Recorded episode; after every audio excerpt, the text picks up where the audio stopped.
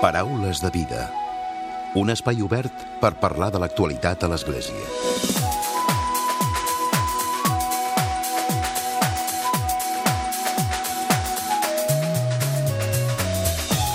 Què tal? Salutacions i molt bon dia, molt bon diumenge. Avui us volem parlar de la Bíblia i de la psicoanàlisi i de la relació que s'estableix entre les dues. La Bíblia ens parla d'experiències del diví i la psicoanàlisi d'experiències de l'inconscient. Ho fem a partir de la publicació recentment per part de Fragmenta del llibre El sacrifici prohibit, Freud i la Bíblia de la reconeguda psicoanalista francesa Marie Balmarí.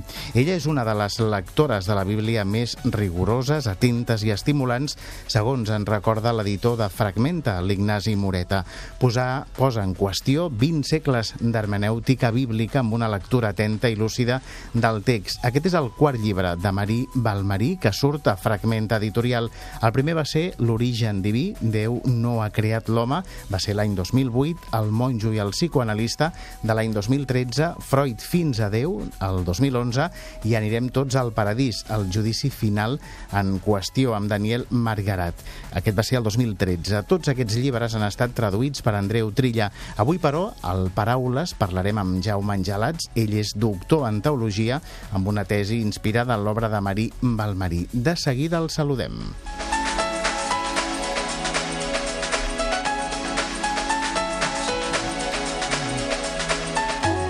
I com sempre, a la recta final del Paraules arribarà un nou comentari de l'actualitat de Francesc Romeu. Comencem. Jaume, bon dia, benvingut. Bon dia i gràcies de convidar-me. Un plaer. Un plaer, que, un plaer que estiguis aquí avui amb nosaltres. Per què Marí Balmarí fa una lectura de la Bíblia des del punt de la psicoanàlisi?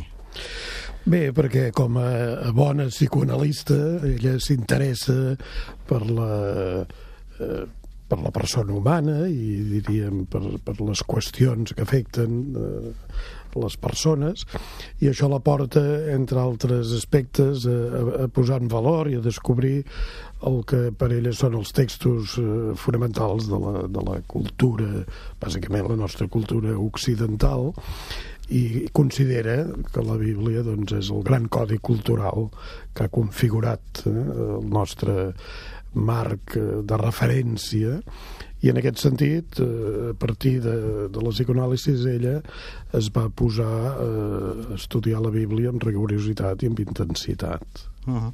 Es parteix també de la idea mm, d'aquella desconfiança per part de la Bíblia cap a la psicoanàlisi, de la psicoanàlisi cap a la Bíblia. Sí, hi havia certament eh, una, una, una tradició de desconfiança des del sorgiment de la psicoanàlisi a partir doncs, de, de l'aportació de Freud, eh, bàsicament, i de, dels seus eh, seguidors i deixebles de les diverses escoles. De fet, eh, Maribel Marí, eh, dins l'àmbit de la psicoanàlisi, ella eh, en principi era lacaniana, eh, de seguidora d'Alacant, tot i que eh, també diríem des de un punt de vista crític, eh? però bàsicament, eh, certament hi havia aquesta, aquesta mena de recel recíproc. Eh?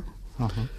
No obstant i això, eh, curiosament, eh, Maribel Marí, en la seva recerca, eh, sintonitza després amb una lectura de la Bíblia que ja d'una manera o altra, sense naturalment eh, poder-se eh, així etiquetar de, de psicoanalítica, però era la lectura bàsicament de caràcter simbòlic i de descodificació de, dels grans paradigmes eh, eh, referents, diríem, a les inquietuds humanes i a la relació eh, de les persones entre elles i de la seva obertura al transcendent que ja havien posat en relleu els anomenats pares de l'Església en els primers segles de cristianisme, no?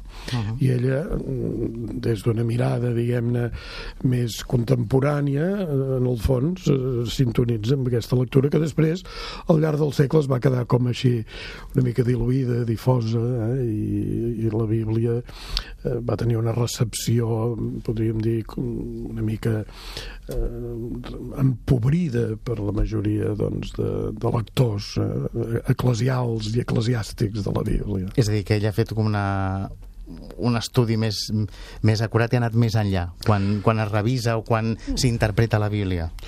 Bé, ella val a dir que, i això és una cosa que, que cal posar en relleu, que ella eh, és una una, una, una lectora mm, molt rigorosa del text bíblic i una mica eh, seguint així el patró psicoanalític de la mateixa manera. La psicoanàlisi bàsicament es basa en l'escolta eh, de la paraula eh, de l'altre eh, i en la relació que s'estableix eh, entre el que diguem-ne eh, és analitzat i, i l'analista, podríem dir, no? I en aquest sentit, eh, Maria Valmarí, en relació al text bíblic, eh, adopta una actitud també d'escolta, però d'escolta eh, així molt atenta, i com que la Bíblia parla, és la paraula, i diríem des de la dimensió doncs, espiritual, és, és la paraula majúscules, però aquesta paraula, mm, històricament, és la paraula encarnada de Déu, resulta que parla en hebreu, pel que fa, doncs, bàsicament, l'Antic Testament i en grec. I era per escoltar eh, la, el text, doncs, eh, va considerar que havia d'aprendre hebreu, i havia d'aprendre grec, perquè eh, s'havia... Per arribar de... fins a l'essència de calia, diríem, acollir eh, la, la paraula en la seva font primigènia. I a partir d'aquí, llavors, el que fa, i en aquest sentit per això ha fet aportacions eh, així com molt suggeridores i molt interessants, doncs eh, ella analitza amb, amb, amb una gran subtilesa, amb una mirada eh, enriquida per la perspectiva psicoanalítica, jo també hi afegiria des de la, la, la, la mirada femenina, doncs, eh, aspectes eh, nuclears de la Bíblia i, d'alguna manera proposa lectures que capgiren la lectura a vegades més eh, tradicional o, o més comuna que se n'havia fet. Interessant això que diu de la, de la visió femenina, no? Mm, de, sí. Que pot fer ella, que fa ella directament Clar, de la Bíblia. Sí, no? sí, sí, sí, sí.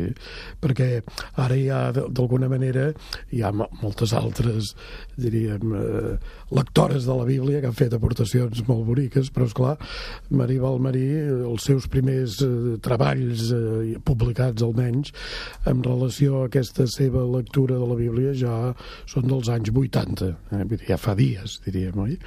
I ella ho ha anat, eh, eh, diguem-ne, continuant també, i això també crec que és eh, remarcable, ella la lectura la fa compartida amb, amb, amb un grup de persones, eh, des de fa molts anys.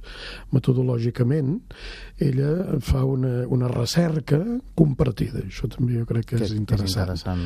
No és només, diríem, la seva perspectiva, sinó que és una perspectiva contrastada des de també, eh, podríem dir, una aproximació interdisciplinària, perquè els altres participants en aquesta mena de seminari permanent que ella va com iniciar per, per la l'estudi de la Bíblia doncs és, és un, un seminari que té també això, mirades diferents que enriqueixen després eh, aquesta proposta doncs, de, de significació. Uh -huh. La Bíblia, quan es parla de la Bíblia també es parla d'un text com aquí oblidat, un text que, un text que no s'analitza o que potser està en un racó i no, i no se n'en parla. Sí, certament, i lamentablement, no? en el nostre àmbit, diguem-ne, eclesial, la Bíblia, tot i que mm, des del Vaticà II hi ha hagut un gran esforç no? d'aproximar la Bíblia, diríem, posar-la a les mans de, de tots els lectors que, que, que es disposen a contrastar-se amb aquest text, però tot i així, certament que la lectura assídua i una mica aprofundida de la Bíblia és lamentablement minoritària. En el nostre àmbit, eh, podríem podríem dir en aquest sentit, com que estem en aquest programa, de la tradició més catòlica, perquè eh, dins la, les esglésies, diríem, cristianes, les esglésies eh, que neixen a partir de la reforma de Luther, tenen una familiaritat, almenys fins ara, eh, major en la lectura i en el coneixement uh -huh. de la Bíblia, no? Però en el nostre àmbit més catòlic, doncs mira, molts, eh, diguem-ne, cristians es limiten a l'escolta, doncs en les celebracions litúrgiques i que a vegades una escolta així una mica doncs, superficial i que Exacte, és difícil no? que queda aquesta mirada no? més superficial, sí. no? sense entrar-hi. Sí. Uh -huh quan, quan parlàvem de d'un text que, que potser no, no es coneix o d'un text que la, la mateixa autora Marí Balmarí pot eh, posar en qüestió, també es parla precisament de que és un text que és molt sagrat però que també ens fa esclaus. Sí, però precisament ella en això té el priorit de, podríem dir, de donar la volta en aquesta de capgirar. De capgirar. I eh, ella, la lectura, una, una dels, de les seves, jo crec, aportacions més interessants, és eh, trobar eh, la clau per descodificar molts textos que aparentment, i des d'una lectura de vegades també distorsionada, o restrictiva, no? restrictiva, sembla que eh, són textos que més aviat doncs, eh, d'una manera o altra es farien eh, ressò d'una imatge de Déu doncs, que, que, és, eh, que s'imposa, que més aviat limita, que, que, que és un Déu que més aviat eh, seria, diguem-ne, associat a, la, a, les, a les prohibicions, el als control, càstigs, no? al control, i precisament la seva lectura doncs, eh, obre eh, a descobrir que la Bíblia bàsicament el que és és una invitació a la llibertat i que a l'assumpció de cadascú de la seva pròpia autoconsciència. I ella, diríem, amb una expressió així molt sintonia a la psicoanàlisi, diu la Bíblia ens convida a que cadascú es posi dret i parli per ell mateix. -huh. També fa molt la distinció entre creients i no creients, no? És dir, fa la, parteix aquesta base. Sí, bueno, jo no ho sé, jo diria no tant aquesta distinció, perquè ella, eh, ella sí que metodològicament eh, expressa que quan ella mira d'aprofundir en, aquest, en aquesta eh, diríem tradició textual eh, que uh -huh. considera fonament de la nostra cultura ella em fa una lectura que d'una manera o altra eh, no condicioni el fet de ser creient o no, no creient. Eh, la Bíblia parla, diríem, podríem dir, a, a, a la persona de cada temps i de cada lloc i de cada circumstància independentment, precisament un dels diàlegs que es pot mantenir amb la Bíblia és bueno, a veure, de quin Déu parla la Bíblia, amb quin Déu creiem o no creiem, o, o precisament hem de deixar de creure-hi eh? en, en segons quina imatge de Déu perquè mira, un dels preceptes de la Bíblia és no fer-se imatges de Déu eh? Exacte. No sé si amb, Jaume, amb aquest llibre, amb la publicació d'aquest llibre potser hi haurà molta gent que sí que s'acosti realment a la Bíblia o farà que la seva lectura el pugui acostar a la, a la Bíblia? Bé, una mica eh, que que aquest és, és la eh, intenció, diríem, la intenció dels editors. i el, exacte, dels editors i que eh, com que ja eh, és el, el quart eh, el llibre que, que s'edita de, de, de, de l'obra de Balmarí vol dir que d'una manera o altra ja ha trobat un, una colla de lectors que acullen aquesta, aquesta perspectiva, aquest discurs i per tant eh, són llibres que no, no són per llegir així eh, d'una manera seguida potser de Jo per mi és dens. És dens, sí, sí, és dens, però eh, diríem, deixa'm fer broma, Maria Balmarí diria, i que no és densa la vida. Clar. És dir, és clar, miri, perdoni, però és que viure... Res és fàcil, no? Exactament, vull dir, demana eh, eh, posar-se en aquest sentit de, amb una actitud de, de, de tensió i d'anar a fons, eh? i en aquest sentit la Bíblia eh, té complicitat en aquesta recerca. Eh? Uh -huh. De fet, hem de dir també que ho hem dit a la portada, però recordem, la traducció del llibre ha estat a càrrec d'Andreu Trilla, oi? Sí, que també és coneixedor de, de l'obra de Marí Balmarí, igual que, que sí, avui en Jaume sí, ens acompanya. Sí, sí, sí. Sí, anecdòticament, eh, quan... Eh, jo... Ara s'estan fent presentacions, no?, del llibre? Sí, sí, ara aquests dies es presenta aquesta obra, però quan eh, jo fa, de fet, 12 anys vaig iniciar la tesi, eh, havem descobert així una mica per casualitat l'obra de Marí Balmarí a través d'una traducció italiana i com que bé, jo havia eh, fet estudis eh, de, de Bíblia a Roma, però també de, de psicologia, i llavors em va semblar que podia ser interessant un exercici de diàleg entre la psicologia i la Bíblia, i va ser descobrir aquest filó de Marí Balmarí.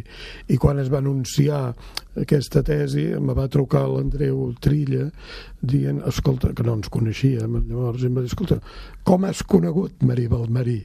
Perquè resulta que ell també per casualitat l'havia conegut i ja feia temps que estava traduint eh, els seus ah. llibres, que originàriament ell escriu naturalment en francès, ella és parisina, i els traduïa en català perquè li interessaven tant i va quedar sorprès eh, que algú més també l'hagués descobert i mira, va ser molt simpàtic això i, i, i d'altra banda que això també està bé perquè va ser la, aquesta tesi va ser la primera tesi interdisciplinària que es va acceptar en la Facultat de Teologia de, de Catalunya. Eh? Uh -huh. I en aquest sentit va, vaig al·legar que fos una aportació també en, en aquest aspecte, ja que, com he subratllat, el treball de Maria Balmarí també és un treball interdisciplinari, no?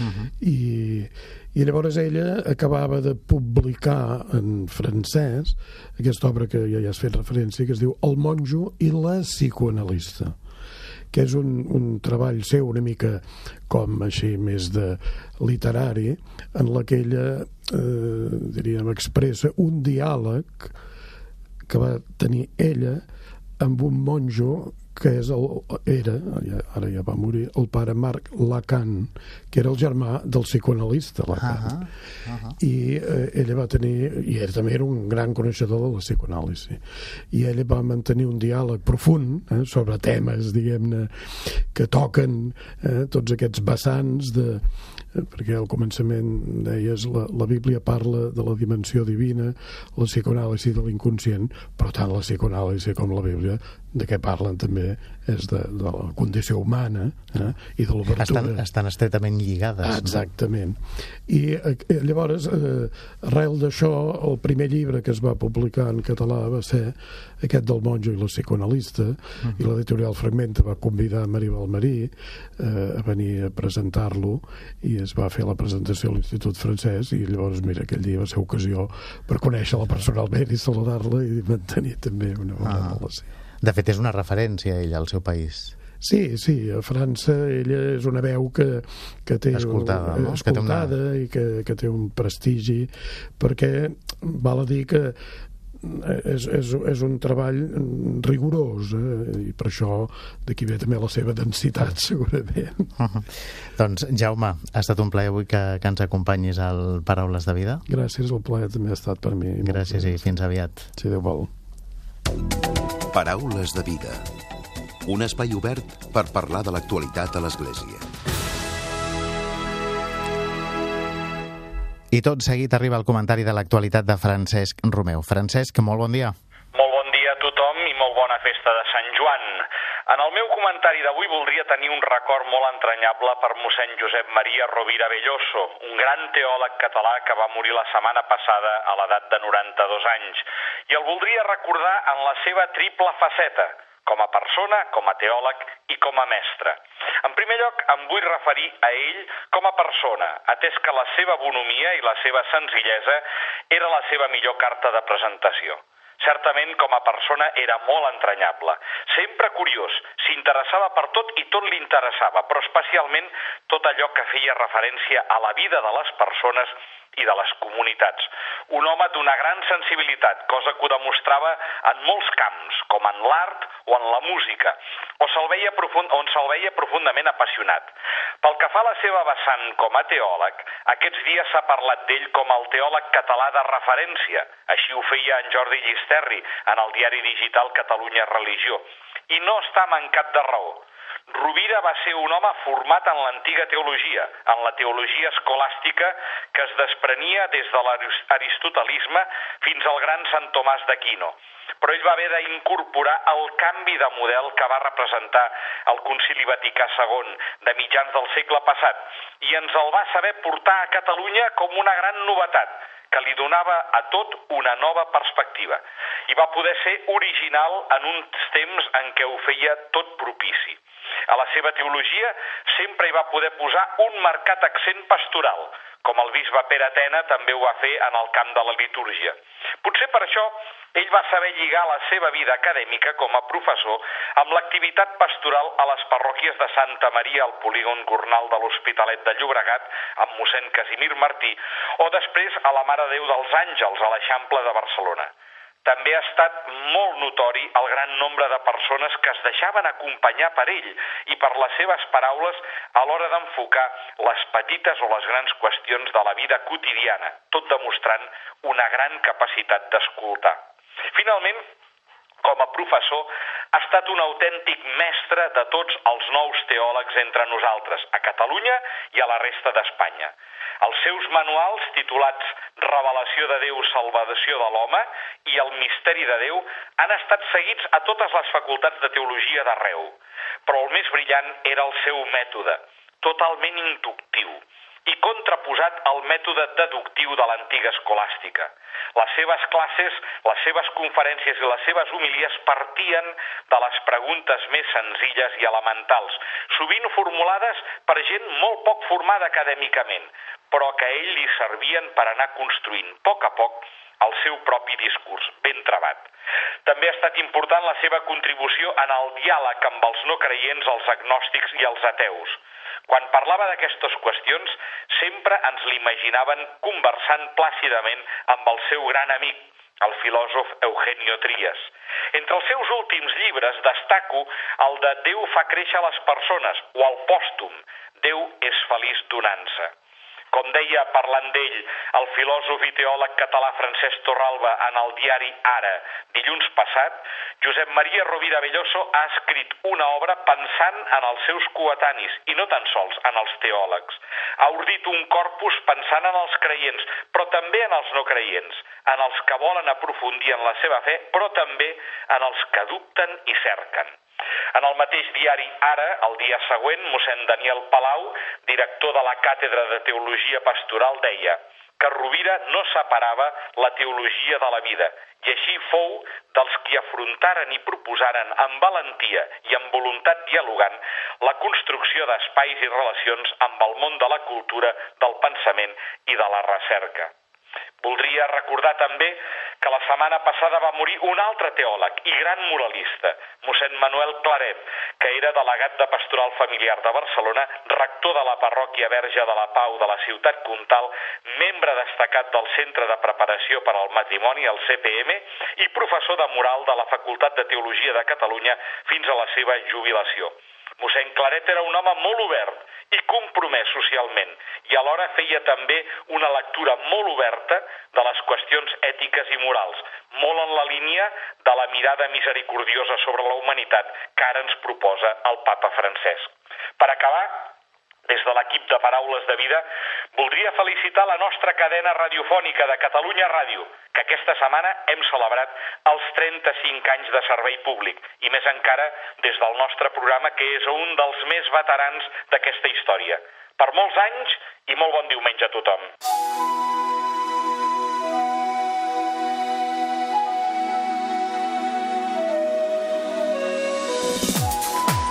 Fins aquí el Paraules de Vida d'aquesta setmana. En Diego Monroy ha estat el control tècnic i qui us ha parlat l'Emili Pacheco. Que passeu bon diumenge i bona setmana.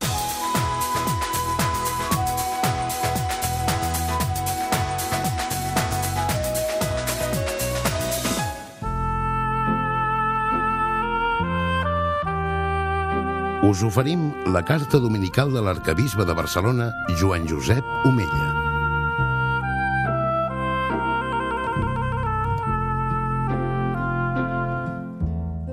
Déu vos guard.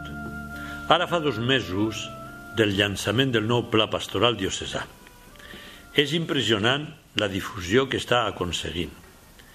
Ja hem distribuït prop de 30.000 exemplars.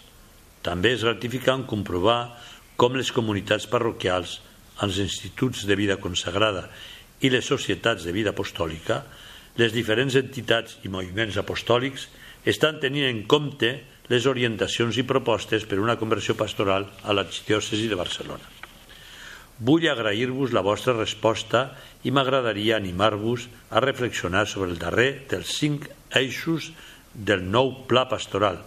Em refereixo al discerniment. Vivim un canvi d'època, vivim moments complexos, ho sabem prou bé, però com podem escoltar la veu esperançadora de Déu? Som conscients que un pla pastoral no pot donar resposta concreta a totes les interpel·lacions i els reptes que provenen dels canvis socials actuals. L'objectiu del nou pla és el discerniment personal i comunitari a la llum de l'Evangeli i sota la inspiració de l'Esperit Sant davant de cada un dels reptes que se'n plantegin. El nou document diocesà vol fer-nos revisar les nostres actituds perquè cada dia siguin més semblants a les de Jesucrist. Com diu el papa Francesc, des del punt de vista de l'evangelització no serveixen ni les propostes místiques sense un fort compromís social i missioner, ni els discursos i praxis socials o pastorals sense una espiritualitat que transformi el cor. Pregària i acció van de la mà, es necessiten mútuament. El pla pastoral proposa que ens nodrim de la lectura orant de la Bíblia i per això ens convida a promoure grups d'elecció divina, així com a pregar en família. Proposa que en els moviments apostòlics i en les comunitats cristianes es fomenti una espiritualitat evangèlica que descobreixi els estrets vincles que existeixin entre Déu i el món, entre la fe i la vida, entre l'oració i l'acció. Als preveres i diaques cal que ens preparem per acompanyar els laics en el camí d'esdevenir homes i dones contemplatius en l'acció. L'acompanyament espiritual és un tema que es tractarà el proper mes d'octubre en el sínode dels bisbes sobre els joves, la fe i el discerniment vocacional. Acompanyar comporta ajudar una persona a descobrir el misteri de la seva existència i el misteri de la seva missió en aquesta vida. És un camí d'amor que cerca en tot moment el bé de la persona acompanyada. És un camí de gratuïtat en què l'acompanyant regala el do més preciós que tenim, el temps en l'exercici de l'escolta atenta. Pregueu, si us plau, pels fruits espirituals del proper sínode, en el qual tindré el goig de poder participar com un dels pares sinodals. Benvolguts germans, que l'Esperit Sant ens guiï a fi que aquestes orientacions i propostes ens ajudin a esdevenir una església en sortida, que en totes les seves accions proposi l'Evangeli de Jesús als homes i les dones d'avui. Us hem ofert la carta dominical de l'arcabisbe de Barcelona, Joan Josep Omella.